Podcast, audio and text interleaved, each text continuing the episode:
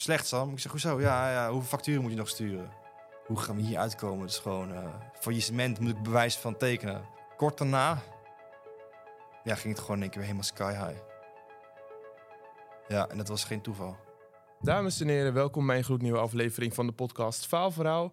En vandaag weer een bijzondere aflevering, ook een bijzonder faalverhaal. Maar daarnaast willen we natuurlijk ook inzoomen op je business en dat soort zaken. Helemaal uit Tiel, welkom in de podcast. Welkom Sam, zou je zelf weer willen ja, voorstellen? dankjewel. Nou uh, jongens en meisjes, dames en heren, ik ben Sam van IJzendoorn.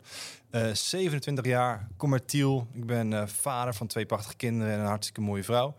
Um, ja, en ik heb een eigen bedrijf, Vijs. En met Vijs maken we custom-made sneakers voor zowel particulieren als voor bedrijven.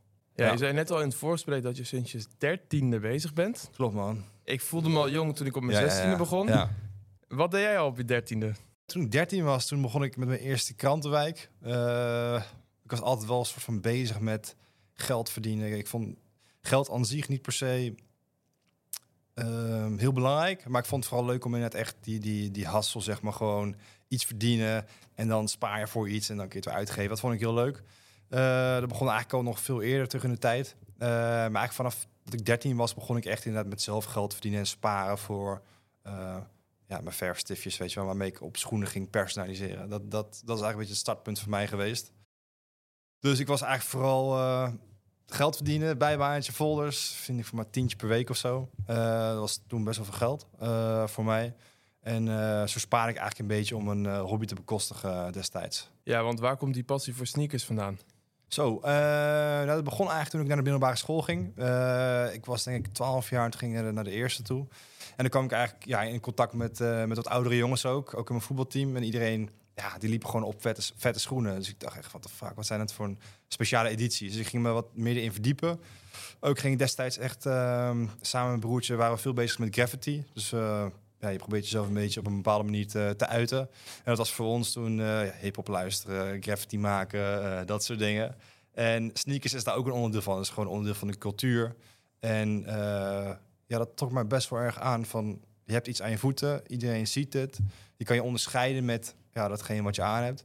En ja, vooral die collector items vond ik toen heel vet. Ik dacht van ja, dat zijn maar, maar 100 van gemaakt of maar 200 van. En hij loopt op die schoen wereldwijd maar, maar, één, of maar een aantal exemplaren. Dat vond ik wel heel sick, ja.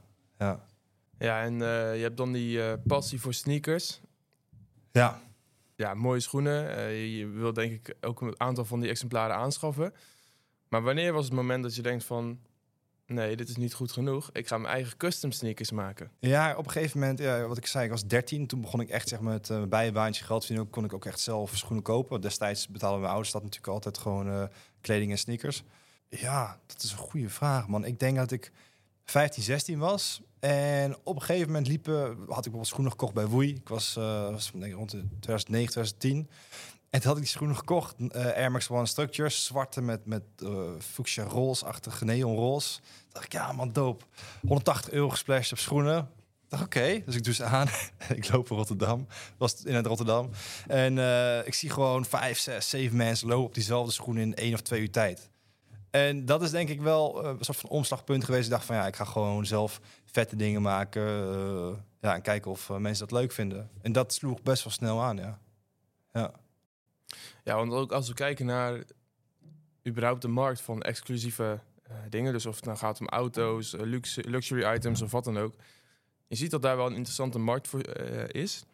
Wat ik ook steeds vaker zie is dat sneakers customizer nu steeds meer um, normaal is. Hè? Ja. Het is een, een markt die voor de meeste mensen nu wel bekend is. Uh, er zijn ook best wel veel mensen die met custom sneakers rondlopen. Hoe was dat back in the days, zoals, uh, zoals het ook vaak gezegd wordt? Hoe, uh, hoe was het vroeger? Ja, dat was wel anders. toen ik voor het eerst ging schilderen, om mezelf te noemen, op sneakers, dacht echt mensen, wat de fuck doe jij nou op die schoenen? Van, dat, is, dat is niet normaal. Dat is gewoon raar. Van, waarom? En dat was, ja, wat ik al zei, toen ik 13 was, 14 en toen was ik eigenlijk ja, 15, 16. Toen begon ik echt pas met, met het inschrijven van de KVK en echt business-wise wat meer op te zetten. Um, en toen ging er wat, inderdaad wat meer, uh, uh, hoe zeg je dat? Ik kreeg meer aanvragen. En toen was ik een van de eerste in Nederland die dat echt deed. Um, en toen was dat nog wel echt, uh, ja, mensen snapten het niet helemaal. Die dachten echt van, dat is niet nodig of zo. ja. ja. En hoe is het om dan eh, te gaan ondernemen in een...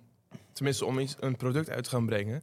waar de markt nog niet klaar Ja. voor is... of niet de behoefte voor voelt op dat moment? Ja, nou, ik was zeg maar, eh, enerzijds inderdaad bezig met het customizen van, van de schoenen. Maar ik vond zelf het restauratiegedeelte, dus inderdaad een oude schoen van die ooit zeg maar 1000 euro waard was. Die heeft iemand een paar jaar gedragen, afgetrapt, de zool is versleten, de, het uiterlijk is niet meer mooi. Ik vond het heel leuk in eerste instantie om die op te knappen. Dus om die inderdaad opnieuw te verven en echt een mooi uiterlijk weer te geven. Dat vond ik zelf wel heel tof. Want dan kan je die schoen weer verkopen voor 600, 700 euro in plaats van 150 euro dat die waard is. Dus dat vond ik in eerste instantie heel leuk. En op een gegeven moment toen ik klaar was met school, toen moest ik kiezen van oké, of ik ga voor mezelf beginnen of ik ga een baantje zoeken. Toen heb ik gekozen om echt fulltime, dedicated, een jaar lang eh, ja, aan schoenen te werken. Dus echt te customizen. En toen dacht ik na een jaar tijd van, ja, leuk. Weet je, iemand anders schoenen opknappen, op zich prima. Maar ik haalde echt geen voldoening uit. Ik dacht, als ik dit nog eh, een jaar langer moet doen, dan eh komt het niet goed. En het verdiende ook gewoon veel te weinig. Weet je wel, mensen die, die hebben dan een schoen van eh, nou, ja, 150 euro. En als ze het voor 100 euro aan moeten laten opknappen, ja, dan is dat vaak staat niet in verhouding tot. Dus die business was heel lastig. Ehm, ja, dat was, dat was toen wel lastig, ja. En hoe is het om in zulke lastige tijden te gaan ondernemen? Ik weet zelf ook van mijn eigen ervaring... dat de druk vanuit de maatschappij vrij lastig kan zijn. Van ga nou eens geld verdienen, ga nou eens iets normaals doen. Klopt. Nou ja, mijn ouders hebben me eigenlijk altijd best wel vrijgelaten in heel veel dingen. Ehm, ja, ik heb altijd best wel een vrije opvoeding. Van je mag alles proberen. Doe gewoon waar je eh, passie bij hebt en waar je goed gevoel bij hebt. Dus daar heb ik altijd zwaar in eh, ondersteund. En eh, ook aangemoedigd door mijn ouders. Neem dat ook mee richting de opvoeding van je eigen kinderen? Nou ja, ze zijn nog relatief jong. Weet je, mijn jongste dochter die is negen maanden.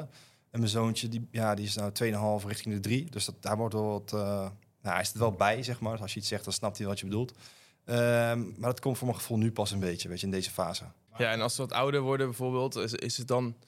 Zou je dezelfde opvoeding geven als dat je van je ouders hebt 100 gekregen? ja, man. Dat is echt... eh, ik heb een goede opvoeding eh, genoten. Ja.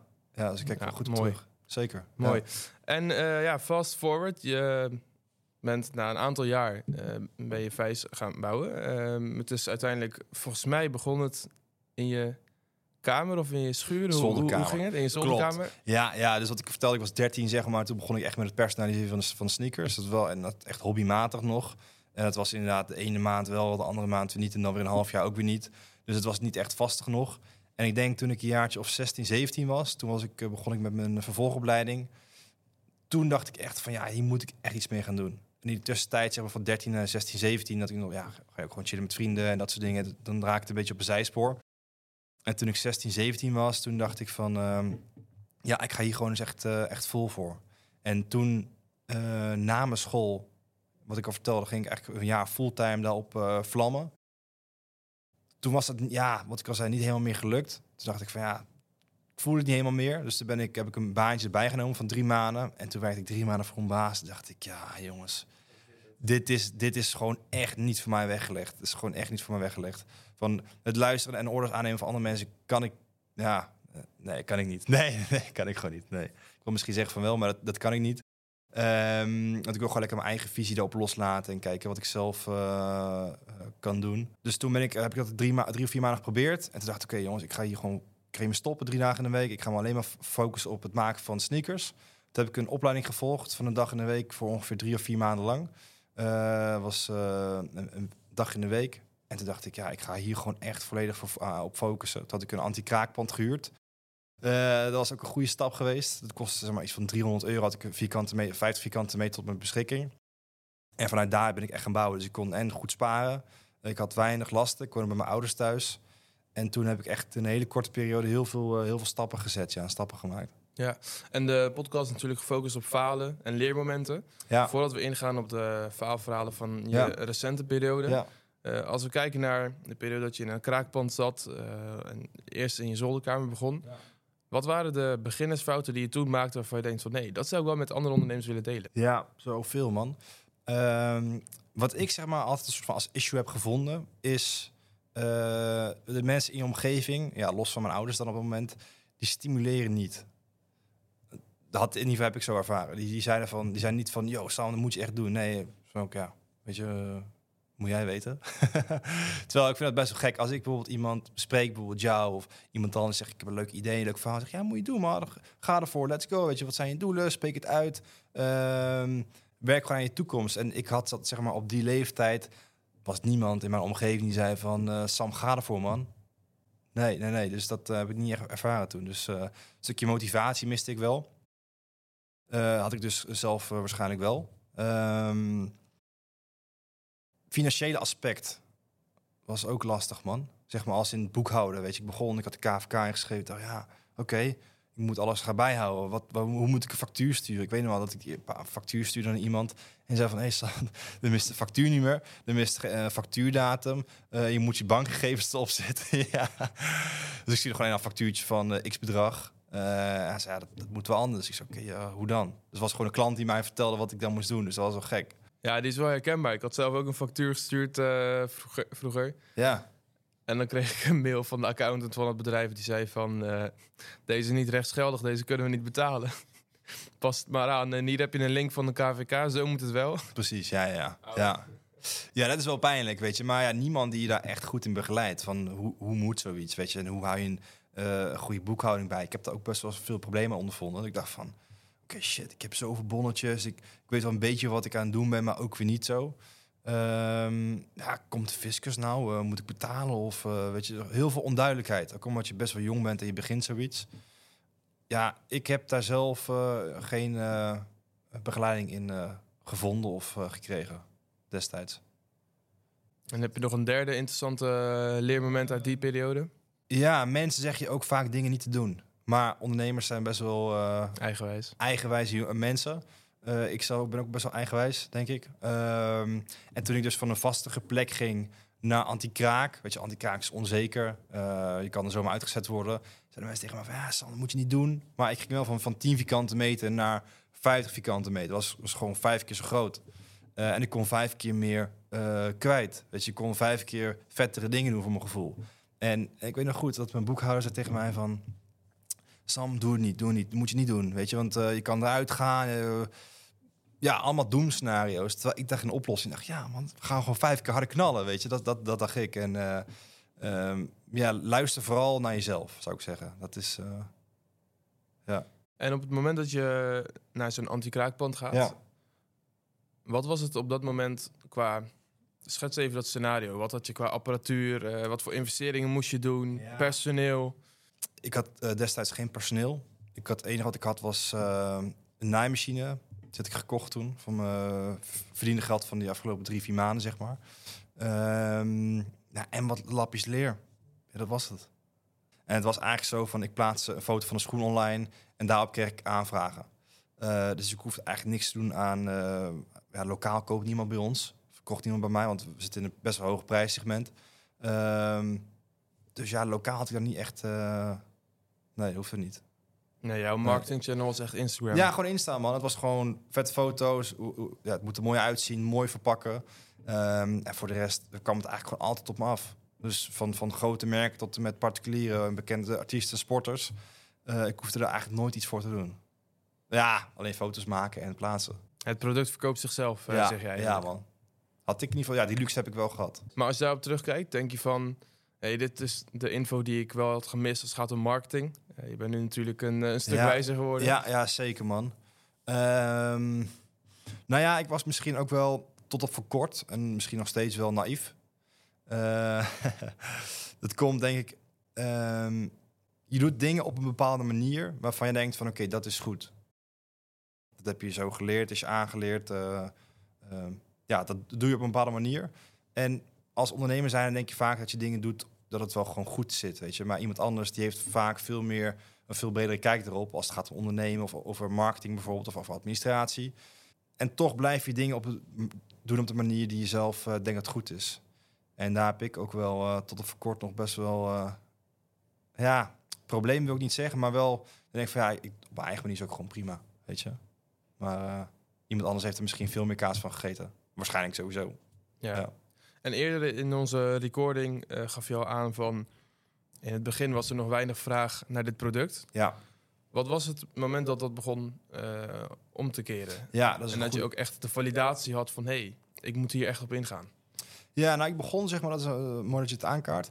Ik begon dus met het customizen van sneakers. Dus echt met verf en met lijm. Weet je, dus echt, echt de schoen personaliseren de buitenkant, het uiterlijk. En op een gegeven moment maak ik dus een switch naar echt het maken van de schoen.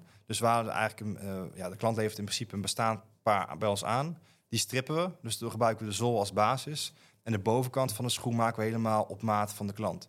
Dat is eigenlijk onze core business altijd geweest.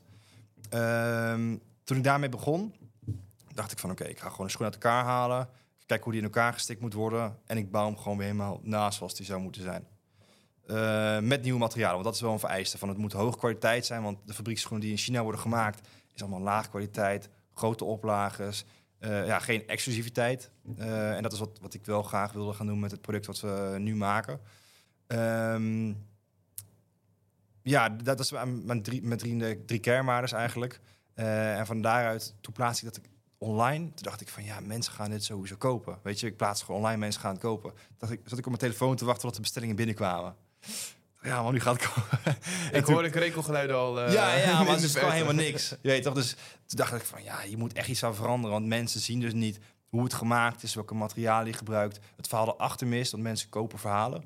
Mensen kopen van mensen sowieso. Uh, en dat miste ik toen, te, toen dus. Dus ik ben echt toen gaan samenwerken met een uh, ja, goede vriendin van mij, Nicky van Toorn. Hele goede fotografe. Um, dus toen heb ik haar eigenlijk ingeschakeld. En samen met haar ben ik eigenlijk vanaf begin af aan begonnen met het maken van hoogwaardige kwaliteitsfoto's. En toen zagen op een gegeven moment mensen ook wel van... hey, weet je, die foto's zijn super nice. Je ziet echt de kwaliteit, je ziet de, de, de ambachtschap, zie je. Um, ja, en toen had ik dus dat, dat de eerste release gehad. Dus de eerste schoen die ik probeerde te verkopen, die verkocht niet. En toen plaatste ik een schoen online van een roze Air Max 1 uh, met een witte zool, haartjes aan de bovenkant met gouden details. Ja, dat is echt zeg maar super fout. maar ik vond hem zelf heel sick, omdat hij gewoon zo simpel was.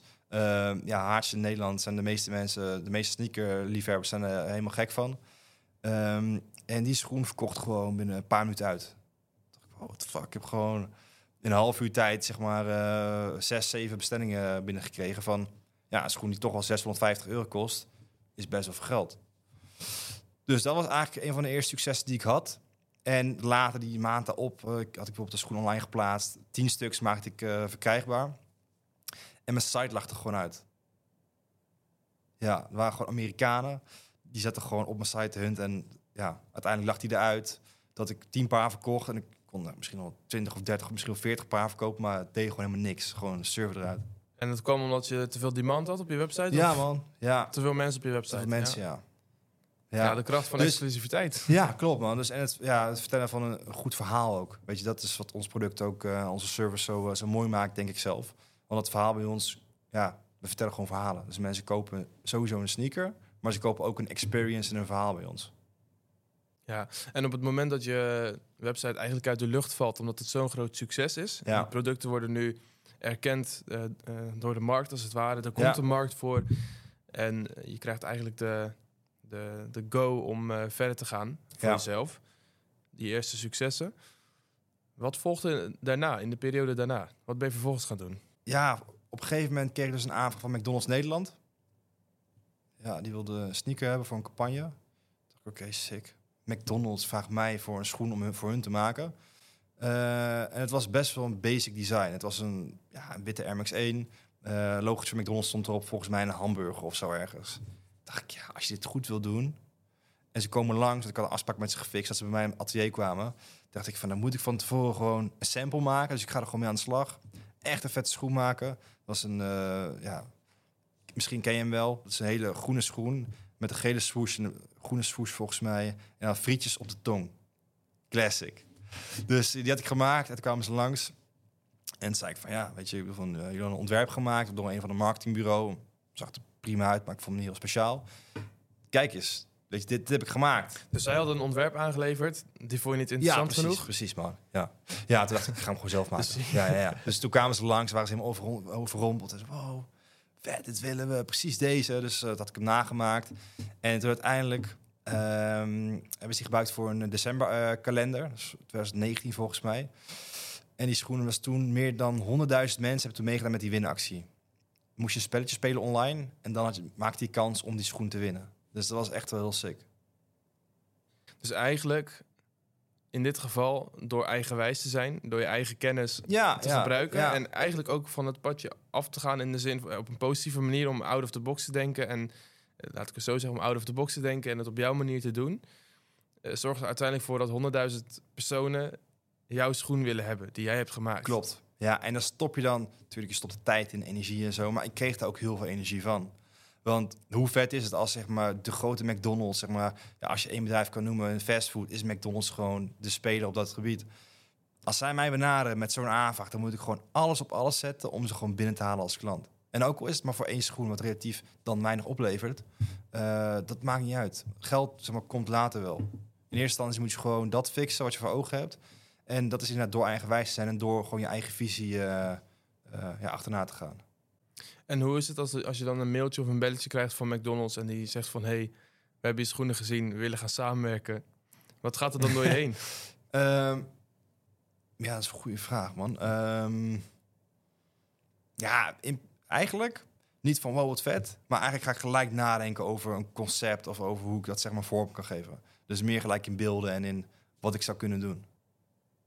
Ja. Nee, de- Ja. tof, tof. Leuk om te horen. Ja, dus ik leg hem eigenlijk gelijk. Ik, ik lees hem, ik markeer hem als ongelezen. En dan vervolgens ga ik nadenken over wat ik ga maken voor ze. En dit laat natuurlijk ook wel de kracht van partnerships zien. Eh, als ik het ook op mijn eigen verhaal Ja. mag betrekken. eh, ja, sinds kort hebben we dan een partnership met Startdoc. Ja, dan zit je in prachtige locaties om, eh, om deze podcast op te kunnen nemen. En zonder zo'n samenwerking zou dat eh, niet kunnen. Dus ja, ik denk dat het ook een hele mooie tip is om mee te geven richting de luisteraars. Zoek ook de partnerships op. Zeker, Soms ja. komt het naar jou Ja, en soms ja. moet jij ervoor gaan. Klopt. Ja. Klopt, man. Ja, dat, heb je ook gewoon nodig, weet je. Ik bedoel, van, eh, ja, zonder goede locatie die iemand eh fixt met je, ja, zit je inderdaad op je zolderkamer, ja. Dus dan moet je soms iets voor doen en soms krijg je daar iets voor terug. Ja. Ja. Aan de andere kant, je noemde net, eh, ja, ik was bezig met leuke dingen doen. En dat is eigenlijk ook wat ik eh, las op LinkedIn over jouw faalverhaal. Ja. Ik zal even een klein stukje lezen, want Ja. ja, je zegt, de telefoon gaat, mijn boekhouder belt.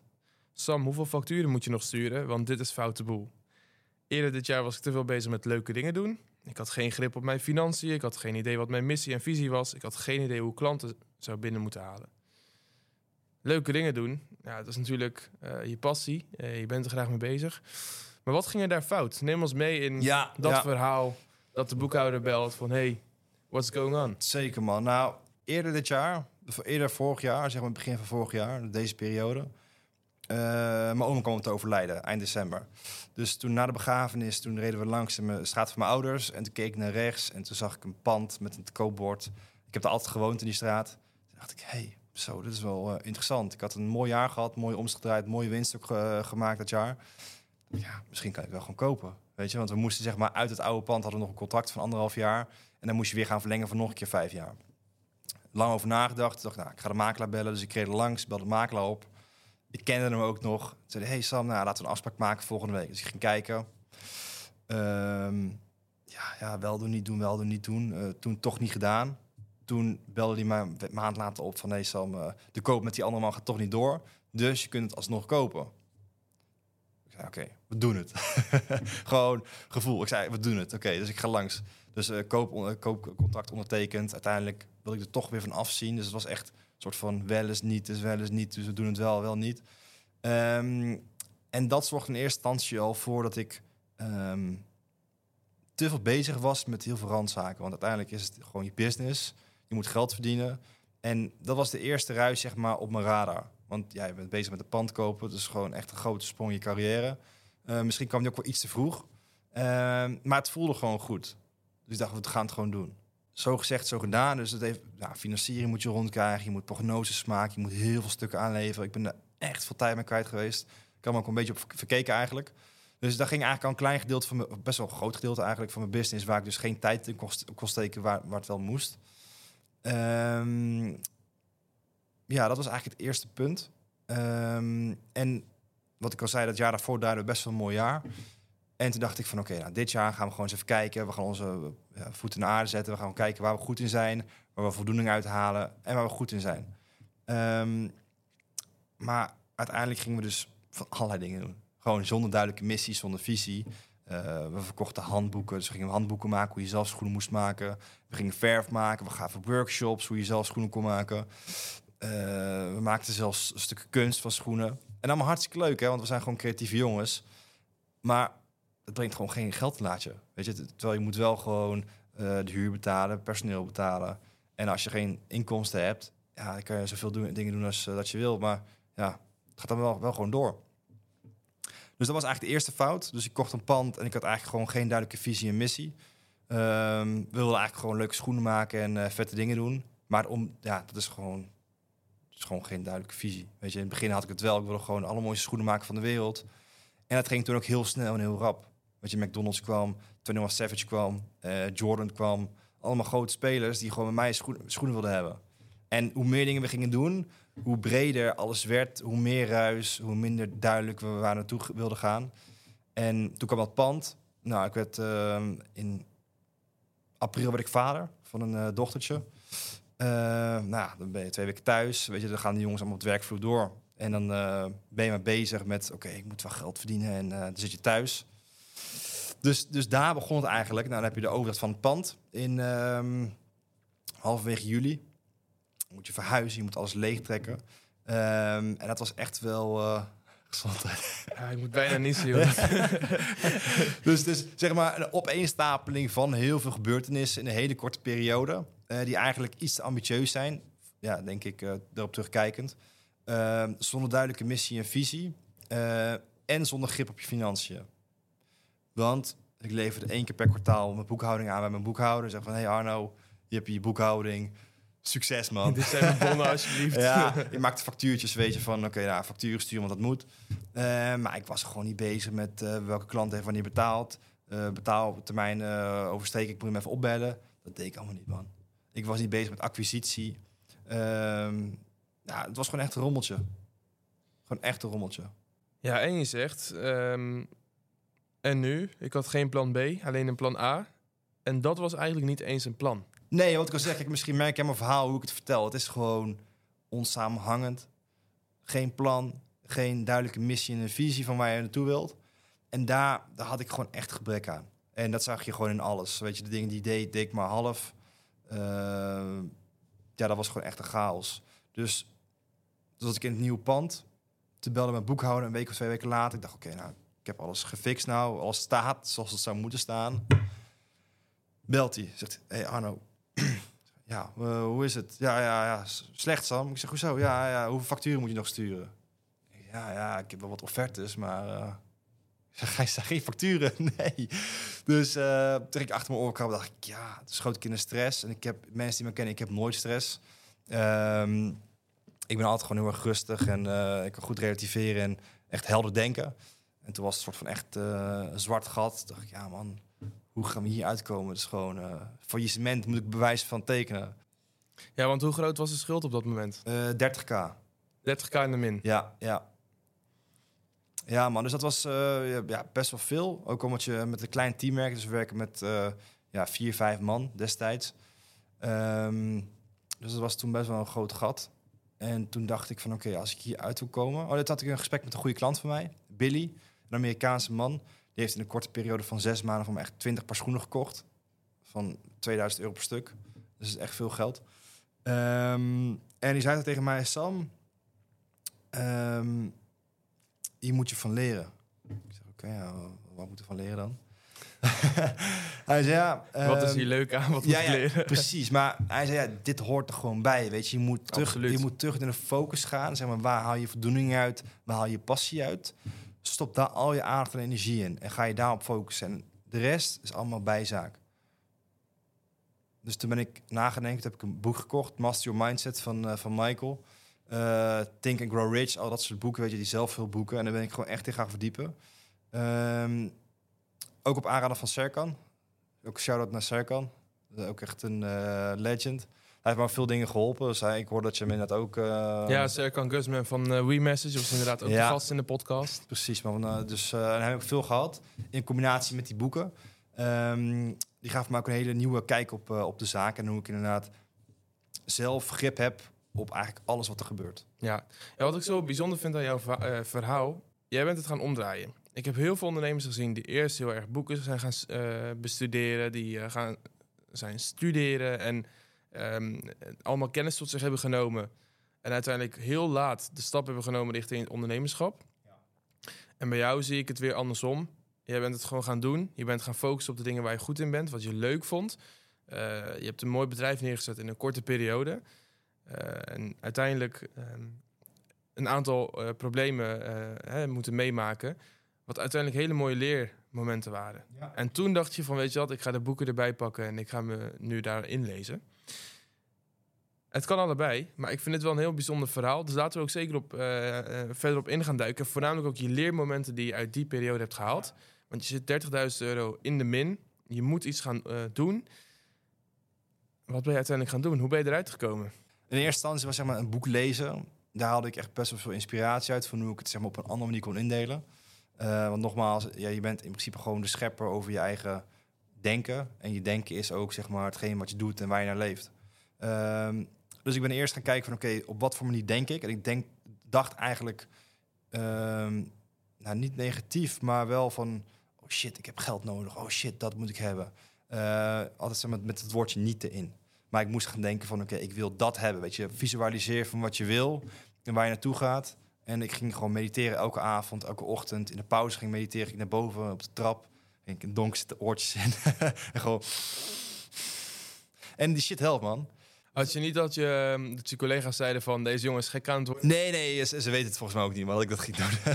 maar dat was wel, ik voelde me wel een soort van gek dat ik dat ging doen in mijn eentje. Maar dat heeft me wel echt geholpen, man. Dus dat je mediteert en rust krijgt in je hoofd. Uh, en daar maak je inderdaad de juiste keuzes, uh, de juiste keuzes in. Dus mediteren was voor mij een hele goede stap. Uh, positief denken, dus je denken ombuigen. En denken wat je wel wilt in plaats van wat je niet wilt. En dat was eigenlijk kort daarna... Ja, ging het gewoon in één keer helemaal sky high. Ja, en dat was geen toeval. Nice. Uh, aan de andere kant, waar ik ook wel benieuwd naar ben, je zegt uh, we hebben een klein team. Ja. Uh, en als ondernemer zijn we best wel vatbaar voor zoveel mogelijk dingen zelf willen doen. Ja. Hoe was het voor jou om zaken te moeten delegeren, uitbesteden? En voornamelijk omdat ja, het bedrijf is toch wel je kindje. Hoe ging je daar allemaal mee om? lastig man, ik vond het wel lastig. Um, waarom? Omdat ik, ja, iedereen wil gewoon grip op zijn eigen bedrijf hebben. Weet je, de meeste ondernemers hebben dat denk ik wel. Um, en toch, wat je, de, de klanten die dan bij mij bij Vijs komen dat zijn wel mijn klanten. Weet je, en als mijn collega daarmee contact heeft, wil ik eigenlijk weten hoe schrijft hij zijn mails. Uh, benadert hij ze wel op de juiste manier, weet je. Dus dat soort dingen. Maar dat heb ik me wel, wel gewoon losgelaten. Ik dacht van ja, als ik me hier druk om ga maken, dan of wat ze inderdaad vijf minuten laat komen of uh, dan vijf minuten eerder weg willen, ja, dan, dan moet ik het wel een beetje loslaten. En, uh, maar ik vind het wel lastig hoor, managen nog steeds. Dus we hebben nu een wat groter team. Um, vind ik wel lastig nog steeds, ja. Hoe was dat om een grote team te krijgen? Wat voor uh, uitdaging had je daar? Zo ja, dus wat ik al zei, dus op een gegeven moment ging, ging het echt sky high. Dus van inderdaad soort van bijna failliet met 30k in de min naar sky high. Dat was ja, ik ben al meer bezig op LinkedIn, zoals je ook zelf uh, ziet, nu ongeveer een half jaar. Mijn profiel op LinkedIn is gewoon sales funnel geworden. Ja. Is, ik heb eigenlijk nou, niet per se zo ingericht. Ik vind het ook gewoon leuk om die topics te schrijven. Um, maar dat is gewoon nu eigenlijk ons hoofd, uh, ons hoofdfunnel. Um, dus daar ben ik nou eigenlijk de afgelopen paar maanden mee bezig geweest. Dus ik heb het heel erg onderschat. Mijn ma zei vorig jaar ergens van... Hey Sam, weet je, moet je niet een keertje wat op LinkedIn gaan doen? Ik zeg, goh, maar hoezo? Je, ik doe toch al dingen op Insta? Is toch al genoeg? en eigenlijk door haar heb ik inderdaad die stap gemaakt... om inderdaad ook dingen te plaatsen. En ik merkte eigenlijk al snel dat het ja, mensen heel leuk vonden... om dingen te lezen over ondernemerschap, over sneakers... over de verhalen achter de sneakers. Um, dus dat, dat sloeg wel aan. En op een gegeven moment sloeg het zo erg aan dat we inderdaad uh, ja, gewoon duizend schoenen met kerst moesten, moesten maken met z'n allen. Wat gewoon echt, ja, wat ik al zei, een team van vijf, vier à vijf mensen. Uh, en dat ik op een gegeven moment in een periode van tien weken moesten we 4000 uur gaan verdelen. Maar goed, met, met vier à vijf mensen red je dat sowieso niet. Dus ik moest mensen extra aan gaan nemen. Um, en um, door LinkedIn, dus waar ik een stapje terug weer, had ik een bericht geplaatst van, goh, ben jij als uh, werkgever op zoek naar een uniek kerstpakket, dan heb ik misschien wel iets leuks voor je. En dat, uh, ja, custom-made sneakers in de stijl van jouw organisatie. Um, super vet. Even wat anders dan inderdaad een afgezaagd kerstpakket met inderdaad droge crackers en een flesje wijn. Weet je, op die toe had ik hem gegooid. En ik had binnen een paar dagen gewoon 1 miljoen views. Ik had 600 aanvragen. Ik had 200 calls. Dat was een gekhuis. En hoe moet je dat gaan managen? Ja, dat was dus lastig. Dus ik had zoveel gesprekken met mensen. Maar iedereen wilde allemaal een design zien. Dus in het begin zeiden we van, ah, we maken gewoon gratis designs voor mensen. Maar goed, ja, als je dat voor 200 mensen moet doen, dat ging gewoon niet. Dus daar hebben we er geld voor gevraagd. Uh, dat hadden we, hadden we de, mensen al beter gekwalificeerd, de leads. Um, en op een gegeven moment ja, hadden dus heel veel offertes uitstaan. En op een gegeven moment gaf iedereen denk ik go, go, oké, we gaan ervoor, we gaan ervoor. dacht ik, shit, die had ik helemaal niet op gerekend, op in één keer zoveel aanvragen. Maar goed, ja, aan de andere kant, ja, zeg je nee tegen zoveel opdrachten. Ja, dat deed ik ook niet. Dus ik dacht, ja, laat maar gewoon binnenkomen, weet je. Dus, uh, dus ben ik gaan kijken naar, oké, hoe kunnen we dan toch inderdaad de juiste mensen aannemen? En in principe is het productieproces. Weet je, als je een duizend per schoen moet doen, is het gewoon een productie al. En dan heb je gewoon poppetjes voor nodig. Dus gewoon mensen. En die mensen kun je instrueren van hoe moet je inderdaad een schoen voorbehandelen. Hoe moet je de veters eruit halen. Hoe moet je hem inpakken. Dus toen dacht ik van ja, weet je, het moet wel kunnen. Je, op zich uh, best, best makkelijk, dacht ik. Um, maar daar maakte ik een hele grote denkfout. Want zo makkelijk is dat niet. Tenminste, het is makkelijk, denk ik. Of makkelijk, dat is misschien nooit. Maar het, is, het maakt het een stuk makkelijker als je als bedrijf zijnde structuur hebt. Weet wie waar verantwoordelijk voor is. Uh, en dat je ook duidelijke processen hebt. En geen van het alles hadden we.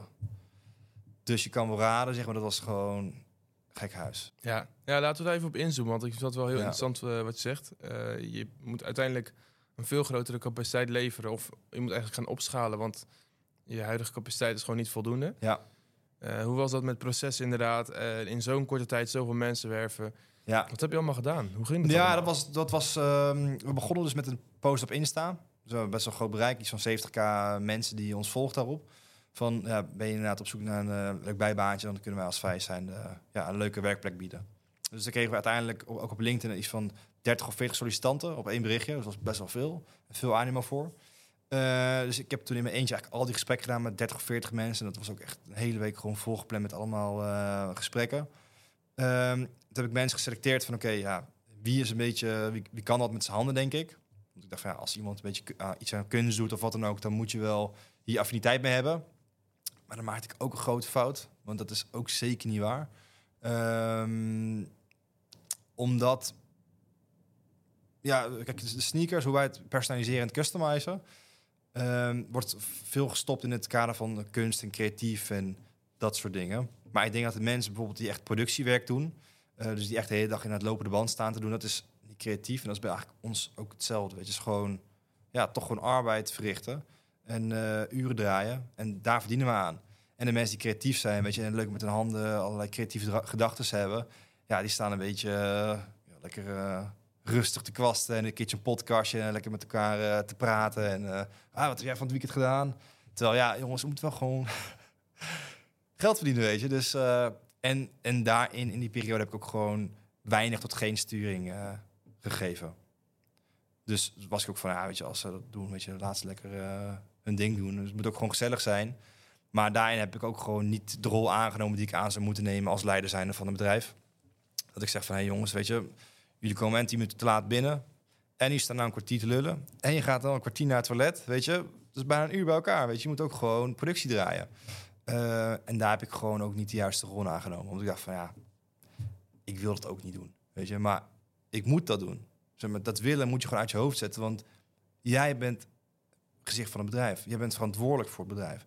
Als iemand een fout maakt, ben jij de lul. Ik ben de lul als zij het verneuken. Sorry voor mijn taalgebruik trouwens.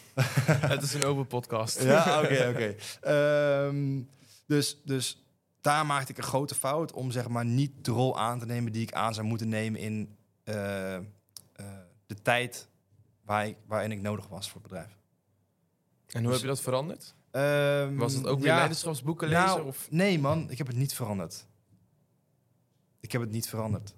Ik kon het ook niet veranderen. Omdat het is het, moeilijk. Nou, ik kon het niet veranderen is misschien... Uh, ik had het kunnen veranderen, maar dan hadden we de deadlines niet gehaald. En ik vond de deadlines behalen op dat moment vond ik belangrijker dan uh, dat iemand een half uurtje langer deed op een paar schoenen, bijvoorbeeld. Of dat iemand een half uurtje later begon. Ik dacht van, alles maakt me geen zak uit. Ik moet gewoon al die schoenen afleveren met kerst. Want ja, hoe vervelend is het als je duizend per schoenen maakt en je kan 200 paar kan je gewoon niet leveren omdat eh, een aantal bedrijven te wachten zonder kerstpakket met kerst. Ja, dat kan je gewoon echt niet maken. Ja, want dat is inderdaad waar ik ook naar wilde vragen. Is, eh, je geeft aan dat je niet heel vaak stress ervaart. Nee, Maar hoe groot is de druk op dat moment groot. om te presteren Heel groot. en die doelen te behalen? Heel groot, man. Ik ben ook echt eh, in de korte periode echt wel een paar keer uh, grijzer geworden, man. Gewoon echt, eh, een paar jaar van mijn leven zijn er wel gesnoept, ja. ja, dus, dus de, de druk is groot, want je hebt gewoon een deadline en je kan niet zeggen van ja, jongens, doen een weekje later, want dat, dat kan gewoon niet. Ehm, ja, je moet op een gegeven moment gewoon zoveel, je moet gewoon heel veel. Want je moet zeg maar die mensen aansturen, je moet ze motiveren, je moet ze instrueren.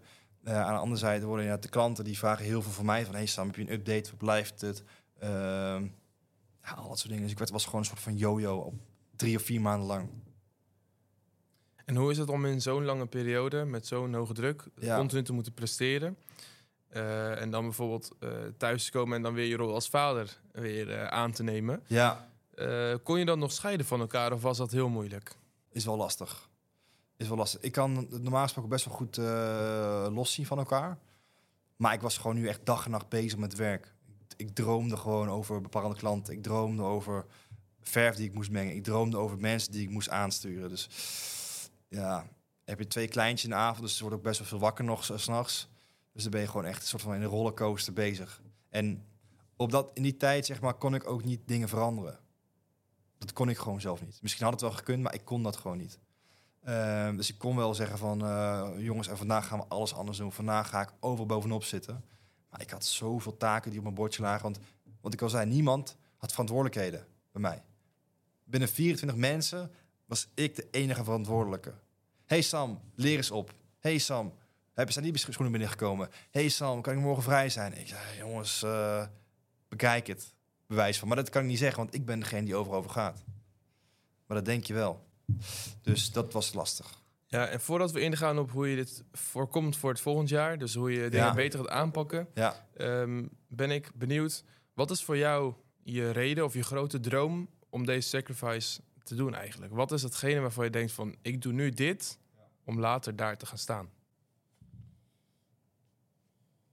Nou, eh, laat ik beginnen met zeg maar, de af, het afgelopen jaar heb ik gewoon heel veel van geleerd. Ehm, weet je, van, we zijn van, van hobbymatig, een hobbymatige studio, zeg maar, ze voelden het, naar ehm, opschalen, naar nu weer downschalen. Eh, zoveel aspecten zeg maar, waar ik heel van heb geleerd en waar zeg maar, geen geld tegenop kan. Want dat is gewoon ervaring die je meeneemt voor de rest van je leven.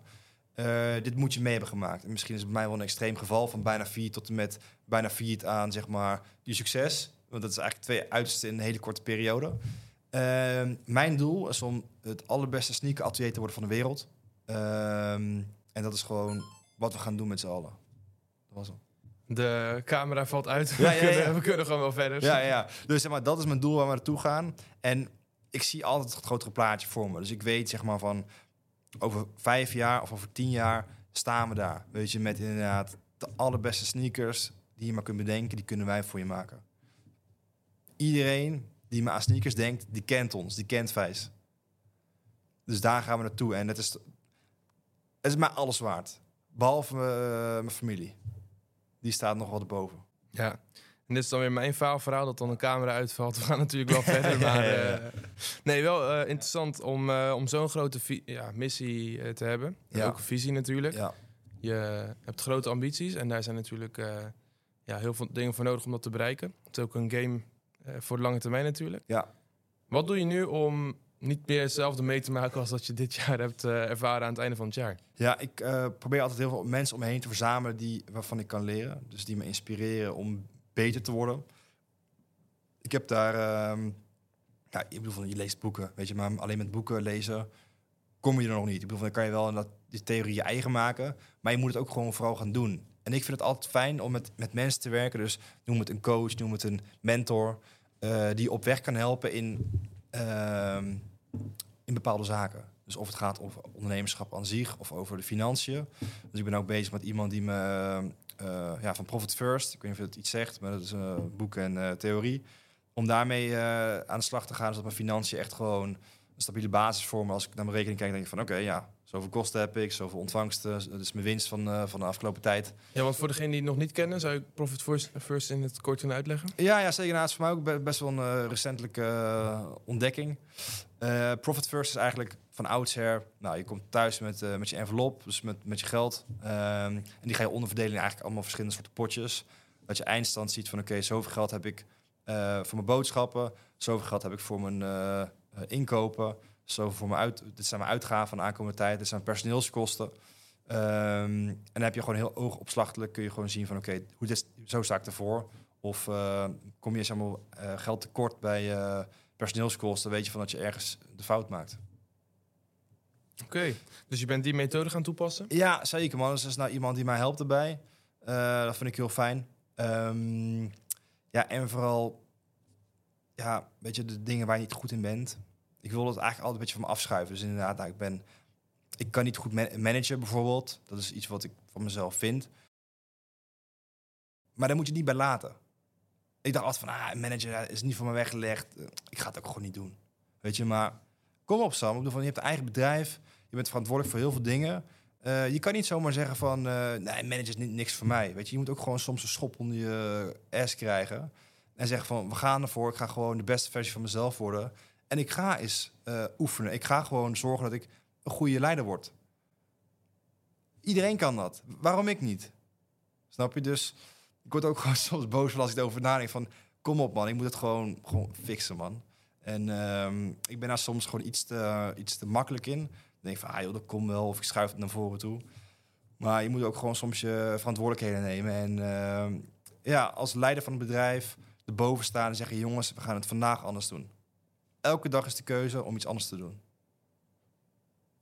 En wat zijn eh, naast boeken en coaching eh, andere methodes om nieuwe kennis op te doen voor jou? Als ondernemer, om jezelf beter te maken, om eigenlijk de beste versie van jezelf te worden? Ehm, je kinderen, man. Ik leef Die heb ik nog nooit gehoord. Nee. Ja, man. Eh, ja, mijn dochtertje, mijn zoontje, dus mijn zoontje is wat ik zei, drie. Die is gewoon heel erg met zijn fantasie bezig, met, met de ouders om zich heen. Gewoon heel erg... ehm, ja, inspireert mij op een bepaalde manier van... Ja, je kan ook inderdaad op een hele andere manier naar, naar dingen weer kijken of omgaan met... Weet je, hij zat heel lief. Hij zegt altijd van... eh eh, op het laatst, mocht hij iets niet eten. Zeg ik van, ja, dat Morris, dat eh, Morris heet hij, dat, dat doen we morgen weer. Ja, maar ik vind dat zo lekker, zei hij. Dacht ik, oh.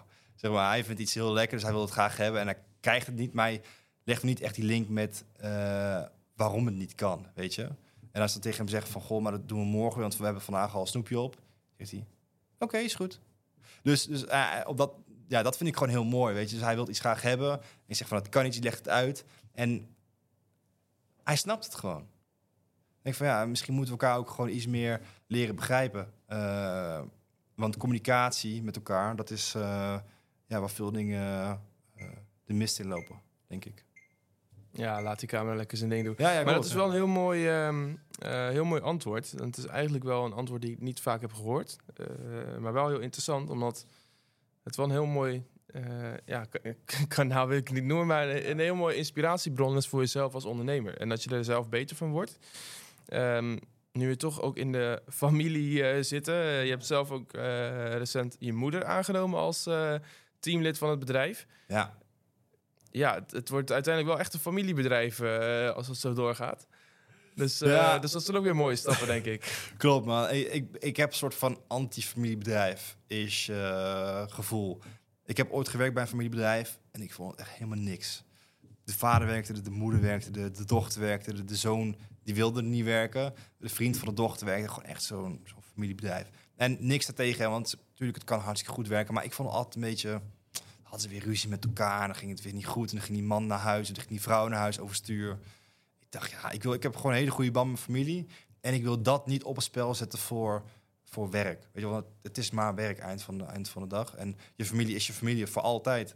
Ehm, dus dat wil ik graag zo houden. Maar aan de andere kant, ja, ik ben nu, nu werkt mijn moeder er omdat ze gewoon, ja, niet mijn moeder is, maar ze kan gewoon hetgeen wat ze doet heel goed. Eh, ze kan heel goed met de handen werken, goed communiceren. Weet je, ze heeft levenservaring. En eh, dat misten we ook wel bij ons in het bedrijf. Allemaal gewoon jonge gasten. En eh, iemand die toch wat ouder is en wat langer meegaat, die heeft vaak gewoon op heel veel dingen gewoon veel meer verstand van dan, ja, dan van eh, jonge gasten. Dus om terug te komen op je vraag. Ik vind het wel heel leuk om met moeder te werken, maar soms wel lastig. Van, ja, weet je, het, het is je moeder. Zeg ik nou, hey, mam, of zeg ik nou, hey, maatje, want zo heet ze. Eh, ik voel me bij maatje gewoon niet comfortabel. Ik denk van, ja, ik, ik heb je nog nooit maatje genoemd. En nu moet ik in één keer in een bedrijf moet ik gaan zeggen als baas van, hey, eh, maatje.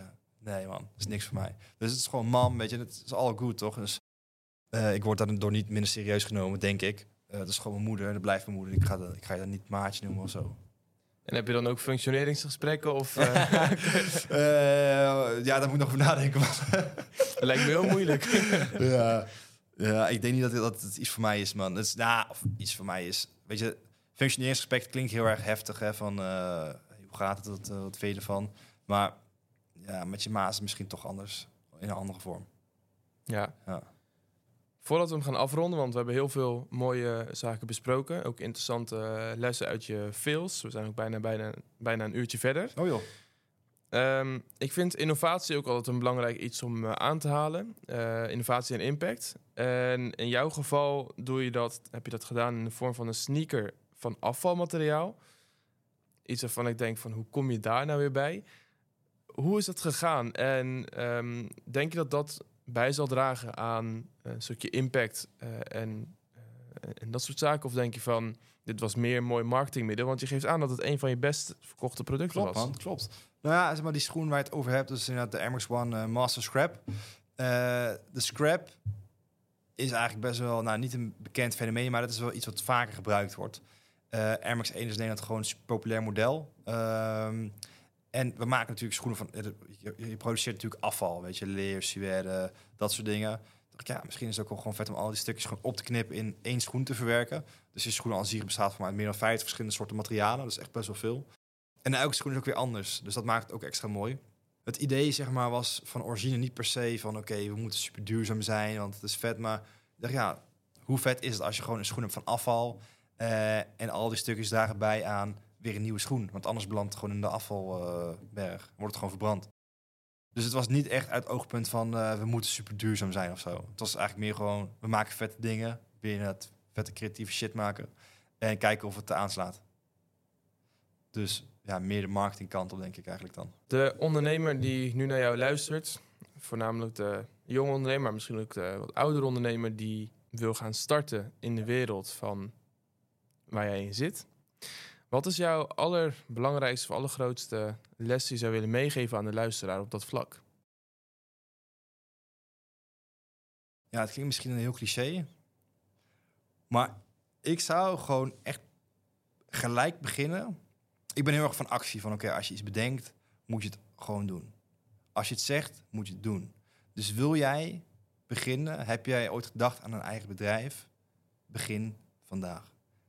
Laat je inschrijven bij de KVK. Dus ga naar de KVK-site, maak een afspraak, plan hem in en boek die afspraak om te starten. Ik hoor heel vaak van, ja, maar ja, weet je, ik moet eerst een website hebben. Ja, maar ja, ik moet eerst dit en dat gaan doen. Heb je niet nodig. Dat heb je niet nodig. Je hebt niks nodig, behalve jezelf, je ideeën die je kunt verkopen en een KVK. Want ja, je hebt wel een KVK nodig. That's it, dus ga aan de slag. Maar wat als het te maken heeft met faalangst en daardoor eh, bijvoorbeeld hetzelfde als, als jou mee gaan Ja, ja. maken en 30k in de min gaan Ja, staan? eh, daarom moet je gewoon naar de kvk.nl slash inschrijven, denk ik. En dan boek je gewoon die afspraak. Je moet hem gewoon boeken. Alright. Dit is weer een eh, hele interessante aflevering geworden. Sam, dankjewel voor je ehm, ja, waardevolle lessen, insights, faalverhalen. En ja, graag tot de volgende keer. Sowieso, man.